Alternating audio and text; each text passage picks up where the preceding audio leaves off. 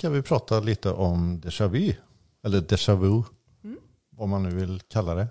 Det finns ju psykologiska eh, teser, aspekter, teorier om detta. Och det är säkert någon som har skrivit om det också.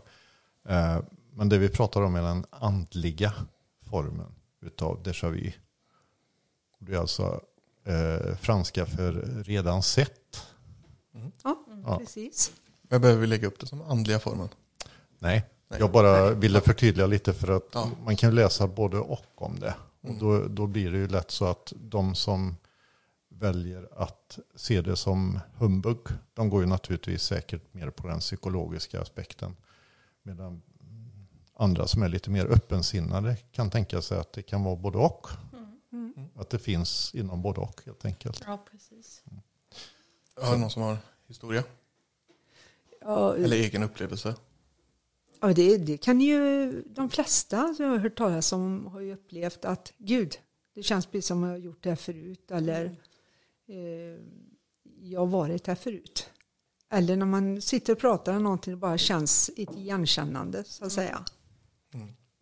Och det har väl ni också ja. varit med om? Jag vet första gången jag kom till Skottland så kände jag mig bara hemma. Första gången, första och enda gången. Och ändå var du inte hemma, du var i Skottland. Ja, precis. Nej men det var verkligen en sån känsla av att jag här har varit förut.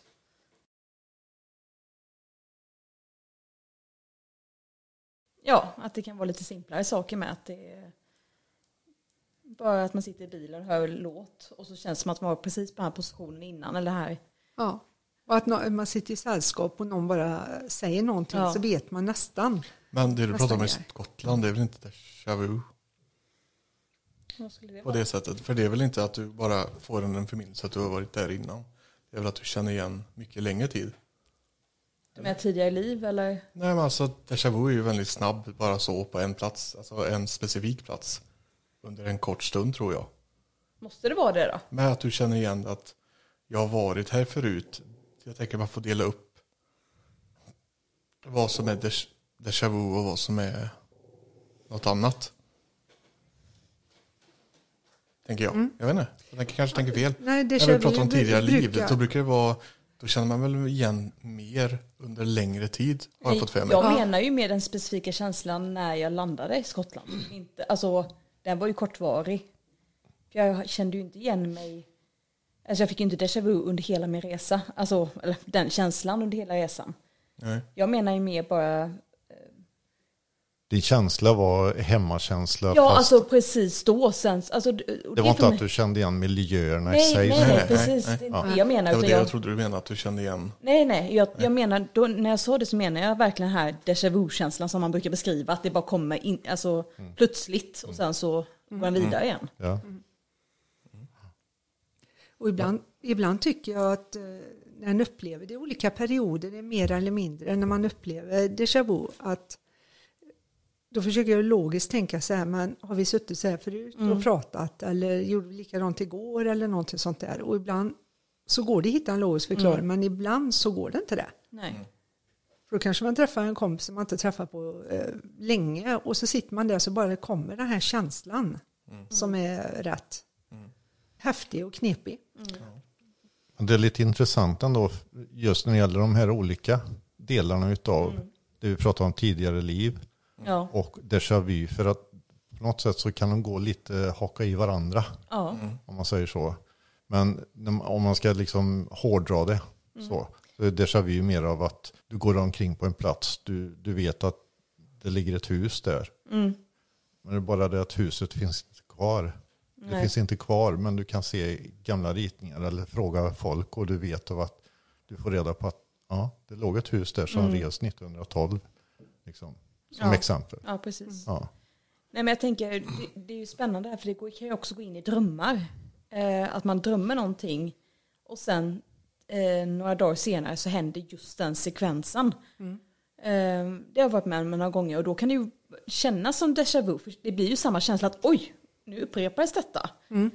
Eh, men det, det tänker jag också är någonting annat. Då har man ju vet inte varför man ska drömma en sanddröm om något väldigt simpelt som ett vanligt samtal. Men det är fortfarande, tror jag, det är inte en vanlig déjà vu, tänker jag, i de lägena. Ja, precis. Jag tänker även som när jag berättade för dig att jag drömde att jag var på flykt. Mm. Och så var det en bro, en väldigt simpel träbro. Och så stod det vakter där så vi var tvungna att gå i en tunnel under. Eh, och så satt vi och kollade på nyheterna. Nej, det var något på Youtube va? Ja, jag kollade på han som eh, reser. Och då var han... På, ja, han var i något ställe i... Inte Kazakstan, det var... Nej, det var något så här jättelitet land som man knappt känner till. Jag hade aldrig hört talas om det. Nej. Men just när han åker på moped tror jag, eller om det är en bil, så bara filmar han förbi den här bron. Och jag bara, den har jag drömt om. Mm. Um, och det var ju en sån känsla att vad fasiken den fanns på riktigt. Ja, ehm, det finns och, ingen logisk förklaring. Nej. nej. Um, och det här var länge sedan jag drömde om den här, den här drömmen. Men jag minns den väldigt tydligt. Um, och det ger ju samma känsla av att det kommer så plötsligt. Och det, men jag tänker att det är fortfarande déjà vu då, utan då är det ja. någonting annat. Det är ju lite svårt ibland att bena ut ja. vad som är vad. Eh, jag fick eh, reda på en historia som berättas väldigt ofta eh, Eh, och som ska vara sann. Det utspelar sig i Turkiet. Och det var en sjuårig grabb som åkte med sina föräldrar och sitt syskon i bil och de var ute bara och, på en söndagsutflykt med bilen. Och när de kommer till stället så säger han helt plötsligt, jag borde inte egentligen vara här. Och mamman frågar, vad, vad menar du? Nej, jag borde inte egentligen vara här. Och sen blev det inget mer. Och de åkte hem och så satt de vid matbordet på kvällen och skulle äta mat. Och då sa han igen. Jag borde inte egentligen vara här. Och säger, säger föräldrarna, vad menar du? Jag ska egentligen vara hos min familj. Mm. Och de försökte gärna, fick ingen ordning på det och det blev bara värre och värre och värre. Och till slut så började han förklara att vi ska åka tillbaka där vi var ute och åkte och så ska vi in på en väg och så där för där är mitt hem. Mm. Där har jag min fru, det är alltså en sjuåring, ja. så de blir oroade att mm. det var något annat då. Och till slut så blev han så envis och han tänkte att de har inget förlora. Så de åkte där de har haft eh, lite söndagsutflykt och in på en gata och han visar precis till ett rätt slitet flerfamiljshus. Och så sa han det, där bor jag, där är min fru. Mm. Och pojken lyckas övertala föräldrarna att gå och knacka på dörren och där öppnar en medelålders kvinna. Och hon tittar ju frågande och de vet inte riktigt vad han ska säga och pojken börjar prata direkt, du min fru. Och hon blir ju helt förskräckt. Ja. Men så börjar han berätta att jag var ingen bra man till dig. Och jag hade stulit pengar och jag hade gömt undan. Och eh, en gång var jag väldigt elak. Så då hade jag en kniv och så skar jag det på insidan låret. Mm. Och när hon fick höra detta så bleknade hon. För det var precis det som hade skett. Hennes man var ju död. Ja. Sen 10-15 år tillbaka. Och eh, han sa det att eh, jag kan inte rå för det jag gjorde förut men jag vill göra rätt för mig nu. Så kan vi gå in i ditt kök. Och efter mycket om och så fick hon gå in i köket och visa att hon hade stenplattor på jordgolv i köket. Då lyfte han en stenplatta och grävde med händerna lite och tog fram en bunt sedlar. Wow. Ja. Och det stod ju skrivet överallt och detta var någonstans 60-70-tal. Mm. Så, och då funderar jag på vad, hur blev det sen då? Ja, han bara slutade. Mm. det, det, var precis som han hade en mission han ja. var tvungen att fullfölja. För sen var det precis som några år senare så hade han inget minne av något större så då. Nej. Det är väldigt intressant men det är mera tidigare livhistoria än déjà vu. Ja, precis. Om man säger så. Ja, men det är just att var går det in i varann mm. så att säga. Ja, nu, precis. För kan det vara det att eh, om du kommer till ett nytt ställe så känner du det här har jag upplevt förut. För det har jag ju gjort när jag varit utomlands. Men då har jag inte upplevt det som att det var ett tidigare liv. Det, det är bara att nu kom den vespan förbi där precis när det hände. Mm. Som en synkronisering som jag inte kan förklara. Det blir lite Matrix med svarta ja, katter. Men jag berättar den här historien bara för att det är så intressant just med att... Ja, för mig har déjà vu varit att jag eh, åker, jag kan köra bil som har gjort massa gånger på samma väg vid samma tillfälle så massa gånger så det kan ju finnas ett minne. Men då får jag en känsla och det är den känslan som jag inte riktigt vet vad den är. Att man upplevt det förut och det kanske man har. Men varför skulle jag få den känslan? Om jag ändå åkt på den här vägen 200 gånger. Mm. Varför 201 gången? Mm. Då Precis. får jag en känsla av att jag har sett det förut eller varit här förut exakt här. Mm. Men har då den formen av déjà vu, har det någonting med premonition att göra? Det beror på vem du frågar. Ja, Om jag frågar Men er. vad ska en premonition vara för i så fall? Och, men om man har åkt det 200 gånger, varför ska man få en permission 200 Ja men det är om något skulle hända i så fall. Ja, men så, det är ja. varsel ni Men pratar eh, om. det då. har ju inte hänt ja. någonting. Nej, och det är bra Ja, att det inte har gjort det. eh, för jag tänker att varför, vad är meningen då? Ja. Om det inte är här kognitiva... Det, Nej, och det alltså, om, vi kan, om vi kan bortse, eller bortse, om vi kan, vi, vi tänker ju kanske oftast en, eh, ett varsel eller så, eh, att vi redan har sett det för att det eh, behöver hända något illa. Mm. Men det kan ju vara något annat som det försöker pocka på. Det behöver ju inte alltid vara någonting som är negativ bemärkelse. Det kan ju även vara någonting annat. Men det kan också vara det att själva den uppvaknande sekvensen just när det sker kan eventuellt förhindra någonting annat. Om man säger så.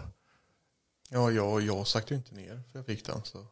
Nej. Alltså med bilen så egentligen, skulle det vara någonting så är jag ju på fel plats vid fel tillfälle i så fall.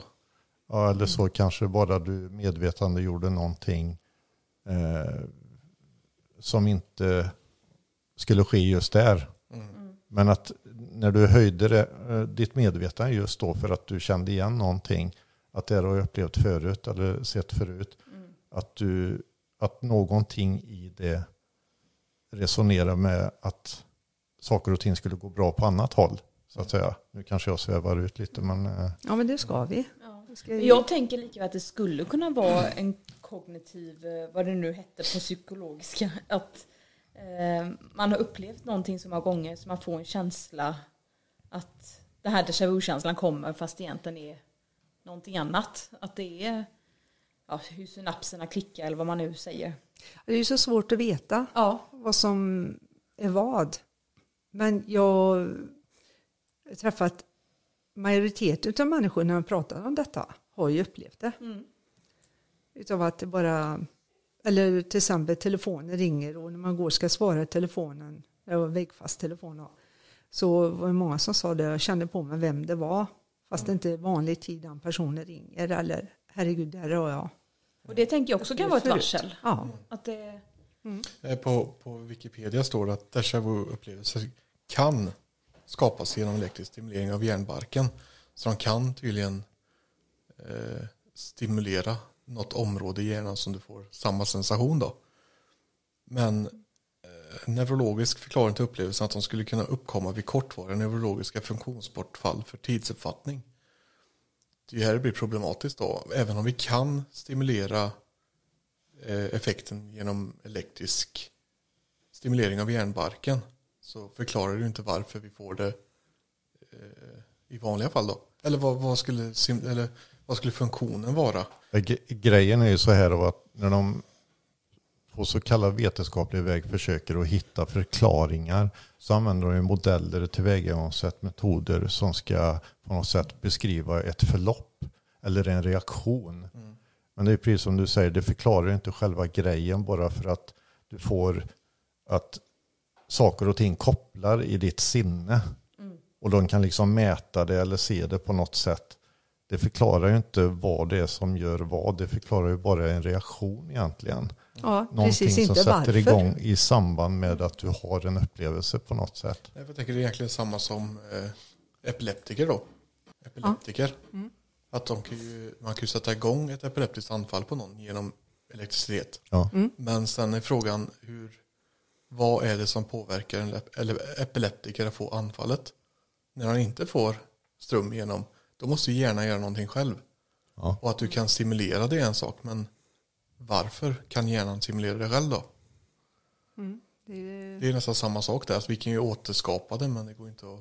Och du tänker eh, yttre faktorer eh, jämförelsevis med när det händer annars då. Ja. Som starkt eller blinkande ljus eller eh, mycket rörelse och så. Ja, Eh, Ja, det är ju just det frågan. En sak är om man kör 200 gånger samma väg och då kan man förklara att eh, det är just att det är någon koppling och man blir medveten. Men när det är en ny situation och man får den känslan, hur förklarar man det? precis, Nya det tänker människor, jag med. ny händelse. Och sen vidare, vi pratar om epileptiker, de har ju utvecklat i många, många år, eller utvecklat, de har tränat hundar Ja, precis. Så, så kallade epilepsihundar eller vad de kallas. Eh, till att kunna upptäcka och till och med innan Ja, hur, hur kan man personen träna själv hund? förstår att det är ett anfall på gång. Hur kan man träna hund till det? Vad är det man tränar dem till? Känner de en lukt då tro? Ja, eller är det sjätte sinnet? Mm. Om djur har det då, i så fall. Men det låter ju som de borde ha det. Ja. Ja, ja, lukt, ja men vad, vad utsöndrar, hur vet vi vad kroppen utsöndrar innan ett epanfall? Kan det vara att de, det är sjätte sinnet så kanske, vad vet jag, men att de känner av vibrationer eller någonting. Från, Eh, människan. Att det händer någonting i kroppen utan människan blir medveten. jo men det är där det blir problematiskt. Mm. Hur vet de, kan de känna av el då? Är det nervändar? Men jag tror ju att djur är extremt eh, mediala och andliga eh, varelser. Jag tror att de har inte samma lo- logi, logik som människor har. Att vi försöker hitta förklaringar, som de här psykologiska termerna. Vi försöker hitta förklaringar på saker som till och med de har svårt att förklara egentligen. De kan förklara själva förloppet men inte vad som orsakar det eller varför. Eh, Men jag tror att djur, de, de bara vet. Jag tror att de har sån intuition och in, eh, Ja, men jag tänker bara hur ska man träna hunden? Det, det jag tycker är fascinerande, för nu, nu hoppar jag lite. Det finns ju hon, eh, mediet, eh, Teresa Caputo, det amerikanska mediet. Hon har gjort många undersökningar och en av de här undersökningarna hon gjort då, när hon ställer sig själv under lupp i, hos forskare och läkare över att de eh, registrerar hjärnaktiviteten när hon har som en eh, reading exempelvis då, eh, för en person. Och då tänker man ju så här logiskt, oj hon måste ha jätteaktivitet i hjärnan under tiden. Och hon själv blev förvånad för när hon fick se resultat efteråt så visade det sig att hon alltså, hennes hjärna har mycket, mycket lägre aktivitet än vad man normalt har som nu, som nu vad sitter kanaliserar egentligen. Det är inte hon själv som Om, får... om det är det, Ja. att hon kanaliserar något annat. Men man tror ju på något sätt att det borde vara hyperaktivt. Ja. Eller hur? För Ja. att man kopplar upp sig eller sådär va. Det är kanske tvärtom. Och så visar det sig Ja. att hennes hjärna är precis tvärtom. Och ändå så sitter hon där och ger så klara, fantastiska eh, besked som hon gör. Men där tänker jag också det här med, jag kan ju bara tala för mig själv, när jag har exempelvis kommunicerat med djur eller när jag har eh, eh, lagt tarot eller vad det nu kan vara.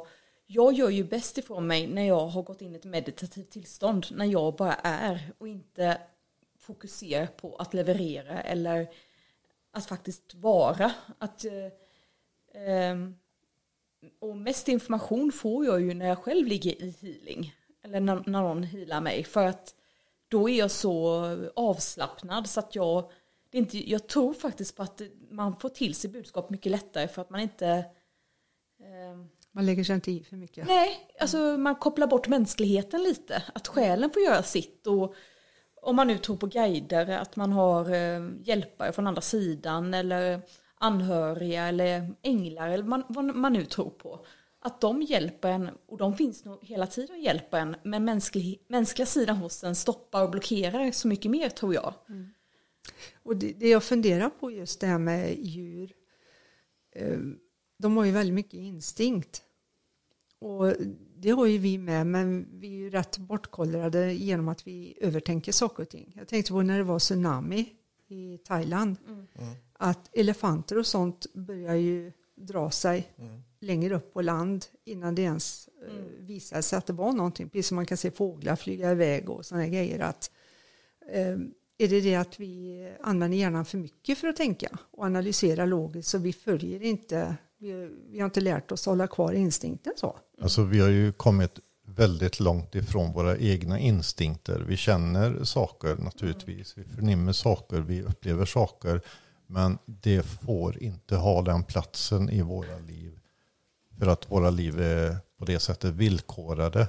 Att vi lever i ett så kallat, ja nu, nu låter jag, jag menar inget illa med det, men vi lever i ett så kallat modernt samhälle. Det, det är våra fem sinnen som gäller. Det är så vi blir villkorade att leva efter. Bli lärda att leva. Det- Ja, precis. Och på det sättet så, jag menar att en elefant då, eller ett annat djur känner av eller vet någonting. Mm. Även om vi inte tycker eventuellt att de kan förklara det på det sättet som vi mm. gör.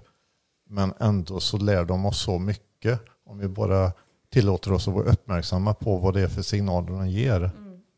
Och ibland så gör vi det, ibland så gör vi det inte. Mm. Och tsunamin då är ju ett praktexempel då människor, man är på en härlig semesterort.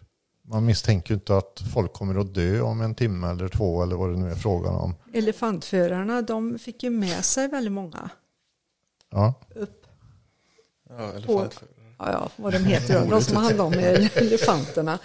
De fick ju med sig eh, människor upp med, med att locka upp dem.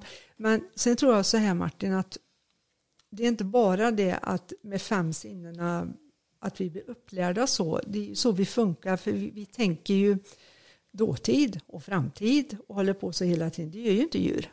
Nej. De är ju i nutid. Ja. Så i det avseendet så är vi faktiskt våra egen värsta fiende. Det tror jag med. Och när man inte lyssnar på sin eh, intuition eller instinkt eller någonting sånt där. Instinkter känner vi ju då när vi blir rädda men nu kan vi ju prata om att vi blir stressade och går in i väggen. För att vi lyssnar inte på vad kroppen säger, vad sinnet säger. För att vi kör efter de här fem sinnena så att säga. Mm. Det kan ju vara så också att elefanterna fick déjà vu innan. Ja, ja men det har du rätt i. Eller hur? Ja. Kanske det, som är lösningen. Så med andra ord så sa du det jag sa fast med andra ord. Mm. Ja. ja. Du ska ju tolka det från olika håll. Ja. Det var samma mål. Ja. Men det, ja. Jag tog upp här om eh, epilepsihundar.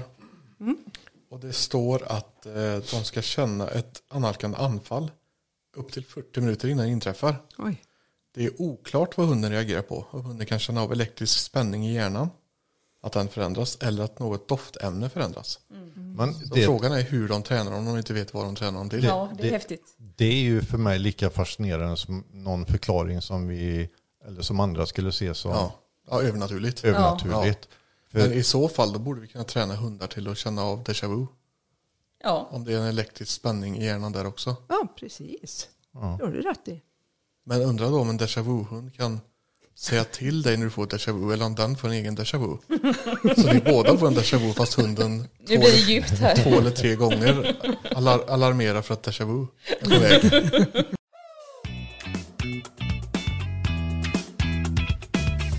Jag tror vi har många hundar i samhället skakar på huvudet och sina häst och mattar ja. och tänker av att du... Ja, intressant. Nej, men det är som du sa Martin, att eh, det här är ju ganska övernaturlig förklaring med. Att... Men det är just det som missas för att man tycker liksom att aldrig mötas de två. Om vi ser den vetenskapliga mm. sidan, den här forskningssidan då. Man har ju det och det kommer återigen till det här med att vi är präglade att gå efter vissa bestämda, förutbestämda, vad ska man säga, sätt av att mäta, väga saker och ting. Mm. Att det finns vissa regler för det. Och de reglerna på något sätt plockar bort de andra bitarna och förpassar dem till något annat. Mm. Så att säga. Att kan du inte väga eller mäta det så finns det inte. Nej, då blir det annan skrock eller ja. myt. Mm. Och som jag sagt, sagt tidigare, det är det jag tycker är så fantastiskt nu med alla de här Ghost Hunters, alla som håller på hela tiden nu. Mm. De är ju verkligen pionjärer inom detta. De fortsätter ju med någonting mm. som inte går att förneka. Mm. Och det intressanta är också att eh, det finns faktiskt fler eh, forskare och sånt som är inne på det här. Ja. Och det var det som har förlorats. För jag förstår ju det att man ska kunna väga och mäta för vi har ju alltid varit nyfikna och försöker förstå och inspirerade av detta och kommer på lösningar. Mm. Det jag tycker är tråkigt är att man stänger dörren till någonting som varit naturligt förut. Mm. För möts de här två så är det bästa av två världar. Mm. Precis, för att då kan vi få en förklaringsmodell på någonting. Ja. Mm. Även om inte livet och energi och sånt är statiskt utan saker och ting expanderar, utvecklas, förändras hela mm. tiden i oss och runt oss så får vi ändå någon slags värde på eller något mätbart på det ja. på något sätt. Jag tänker också helheten som blir om man ser från båda sidorna. Jag tänker dels om, eh, om läkare börjar jobba med handpåläggning eller helande som de faktiskt har börjat inom vissa områden. Mm. Eh, naturläkemedel. Eh, att man kombinerar lite två världar, västvärlden och osteopati eller vad det nu mm. handlar om, eh, homopati. Eh, då får man ju mer övergripande och jag tror att då blir det lite kropp och själ. Att man kan gå in i båda delarna och jag tror att det skulle gynna många att se helheten istället för att låsa sig vid en. Ha en holistisk syn ja, helt precis. enkelt. Ja. Det, det är precis som den läkaren i Mexiko på 30-talet. Var i Mexiko va? Han som sa det att innan man behandlar hela människan så behandlar man ju inte, då behandlar man bara symptom. Mm. Ja. Eller hur? Ja. Att det gäller att ha den här helheten. Mm. Man behandlar hela människan. Ja, precis. Så. Mm. Och det, var ja, det var ju på 30-talet. Ja, 30-talet. Och det är precis som du säger, att ingenting av detta är ju nytt. Nej, det Vårat förhållningssätt kanske inte skiljer sig mycket från andra eh, som ansåg att de var högre stående förr i tiden. Mm. Eller som tyckte av att andra var lägre stående än dem. Eh. Men, det, men, det, är ju det att vi, om vi försöker ha upp ett medvetande så att man har dörrarna öppna lite och inte bara säga så här är det. För jag tänker nu då, när vi pratar om skolmedicin så det är ju våran norm, mm. våran naturliga Sen när vi pratar om naturmedicin så är det alternativmedicin. Mm. Och det var ju egentligen det som var från början. Så ja. vad, vad skevt det kan bli. Ja. Att, eh, och jag tycker att det börjar luckras upp nu. Mm. Nu faktiskt Sverige är en av de mest långsammare länderna till att ha det ja. sinnet. Men vi lär oss. Ja, men jag tänker som i USA använder man ju faktiskt eteriska oljor på sjukhus. Mm. För att de har insett att det kan hjälpa med olika åkommor eller tillstånd eller mm. um, och det har jag inte hört att de gör i Sverige än. Nej. Men jag tänker precis som du är inne på att naturläkemedel var ju det man faktiskt använde för och de var ju extremt kunniga. Vilka blad eller vet du, blommor som hjälpte mot det eller mm. uh, örter som hjälpte mot det och så vidare. Jag hade ju min mamma en väldigt klok människa för hon var ju naturläkare men hon tyckte att skolmedicin skulle samarbeta med alternativmedicin och naturmedicin. Då. Mm. Så att eh, naturligtvis sa hon inte till en patient sluta ta din hjärtmedicin, nu ska du få något naturmedel. Nej. Utan att man kunde kombinera. Ja. Och fick man inflammation eller någonting behöver penicillin ska man ju ta det. Mm. Så det behöver inte vara så svart och vitt. Då. Nej. Nej, precis. Jag tror precis som du av att saker och ting håller på ja. luckras upp mer och mm. mer öppet sinne, mer öppet sinne och ja, så vidare. Precis. Sen är det ju det att har man sina riktlinjer, man ska följa dem, så innebär det inte att var och en som jobbar inom de här olika ställena, att de eh, är övertygade om att de hela tiden har rätt. Så det är inte det att man liksom klankar på de som jobbar inom. Nej, nej. Utan det är bara frågan om att det, det mal väldigt långsamt. Mm. Och är det då att de behöver ta det säkra före det osäkra många gånger så går de ju naturligtvis efter de regler och förordningar de har att hålla sig till.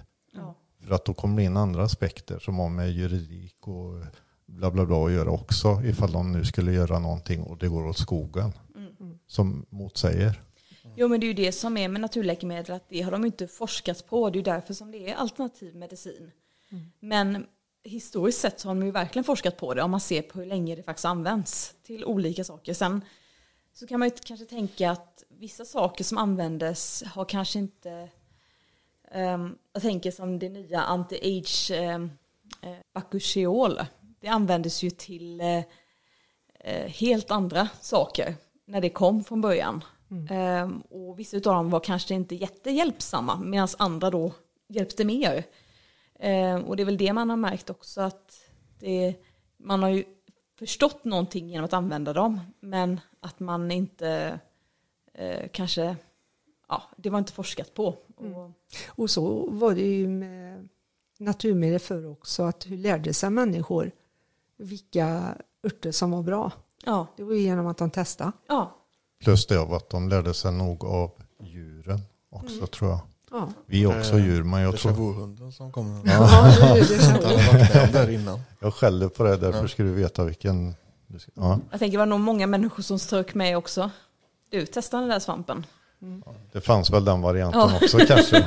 Men undrar då om de inte vet hur de tränar upp epilepsihundar och sånt. Om människor förr i tiden tränade upp rådjur och rävar till epilepsi och déjà vu. I så fall. Ja. Epilepsiräv. Men var det lika vanligt förr? Med epilepsirävar? Nej, med epilepsi. Ja, det, tror jag, inte. Det, det tror jag men det fanns nog inget, eh, det var ingen som visste det. Man kanske trodde att de var besatta. Ja, ja, vem vet. Mm. Men det, det, går men det tycker jag är fascinerande. Ja. Och det finns så här cancerhundar och sånt. Att, mm. Och det säger de att det är via lukten eller någonting mm. sånt. Men det är ju nästan övernaturligt alltså. Var har de det då? USA har de det. Ja. Jag kan ju berätta en eh, déjà vu i verkliga livet. Och så att eh, jag gick på badrummet i morse. Och eh, då tänkte jag, vänta lite, här har jag varit förut. Mm. Ja, den var ju bra. det känner jag igen. ja, ja pappa. Pappa-skämt. Nej, alltså vi pratar ju även om det här, vi kom in på det med tidigare liv och så vidare. Mm. Det är så att vi har ju ett favoritställe som vi gärna åker till varje sommar och det är ju Läckö slott. Mm. Och det är något speciellt och jag känner ju för mig personligen att det här är ju inte bara någon, ett trevligt ställe man åker till utan jag känner ju någon slags behörighet. Sen vet jag inte exakt vad det är. Mm. För några somrar sedan så var vi där och var på en av de ja, tredje planen och sånt där. Det är 248 rum. Mm. Så. Eh, och jag stod och tittade på en, stor, eh, en av de stora tavlorna som de har där.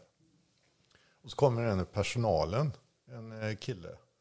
Och de är ju sådär, eh, eller var då i alla fall, så medeltidsklädda. Mm. Så. Och så ställde han sig bara bredvid mig. Och så pratade vi lite med varandra här liksom. Precis som att vi stod framför någonting som vi båda kände igen. Mm. Och sen efter det ögonblicket var över så var det liksom, det var precis som att man kom in i någon slags tidlös bubbla. Mm. Vi två när vi stod där. Och det kändes jättekonstigt men inte negativt. Det kändes bara okej. Okay.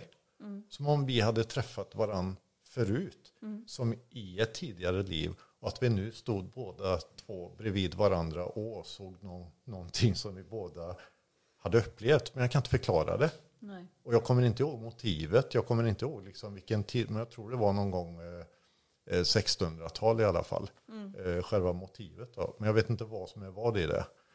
Så, eh, och vad vill du ha sagt med det då? Det var intressant i alla fall. Vi pratar just om kanske tidigare liven kan uppleva. Och just det att träffa en person, jag har aldrig träffat honom i hela mitt liv. Mm. Men ändå så stannar ju till det för att de gick ju hela tiden runt personalen för att kolla människor. Mm. Så man inte pillar på saker och sådär va. Och, och, så att alla hängde med och sådär. Eh, men han bara stod där. Han bara ställde sig bredvid mig och tittade och så småpratade vi. Mm. Om det vi tittar på. Liksom. Mm lite som ett konstaterande från båda håll. Av att, ja, det var ju så på den tiden. Mm, det kändes naturligt. Mm. Ja. Och sen, sen var det liksom över. Mm. mm. Och det rör sig kanske om ett par minuter bara.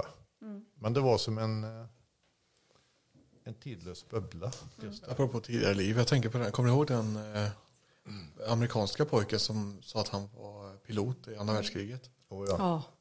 Var var det vi såg det? Var det inte festivalen? Nej. Nej, nej. nej. Det var långt innan. Det, ja, um, The Ghost Inside My Child heter så var det, ja. programmet. Och det började med att han ritade sådana flygplan från andra världskriget. Ja. Jag för man kallade sig James the second eller någonting. Ja, kanske var. Uh, ja, precis. Ja, och han, han var så inne i det här så han var tvungen att åka till eh, Japans kust var det väl? Mm. Där han troligtvis hade störtat. Yes. Och så fick han träffa systern till den mannen som han sa att han var. Mm. Och han kunde också berätta som du sa innan mamma om eh, grejer som ja. ja. Mm. Eh, Dr. Brian Weiss är ju en, eh, en läkare i USA som själv började upptäcka det med tidigare liv då han behandlade en av sina patienter mm. med hypnos. Ja. Och hypnos är ju alltså ett tillstånd av djupare medvetande. Så att det är ju inte det man hoppar runt på ett ben och låter som en tupp eller någonting sånt där. Utan eh, det är alltså att du får du kommer i kontakt med saker. Eh, Vänta lite, vad är det? I alla fall, eh, Dr. Brian Wise var en av dem som eh, tog sig an och undersökte den här pojken. Och det började ju väldigt tidig ålder för honom. Och han vaknar ju av mardrömmar, jag störtar, jag störtar och allt vad det nu var. Mm. Och det fascinerande var ju det att han kunde beskriva fartyget, han kunde prata om delar på planet, han kunde beskriva vad planet hette.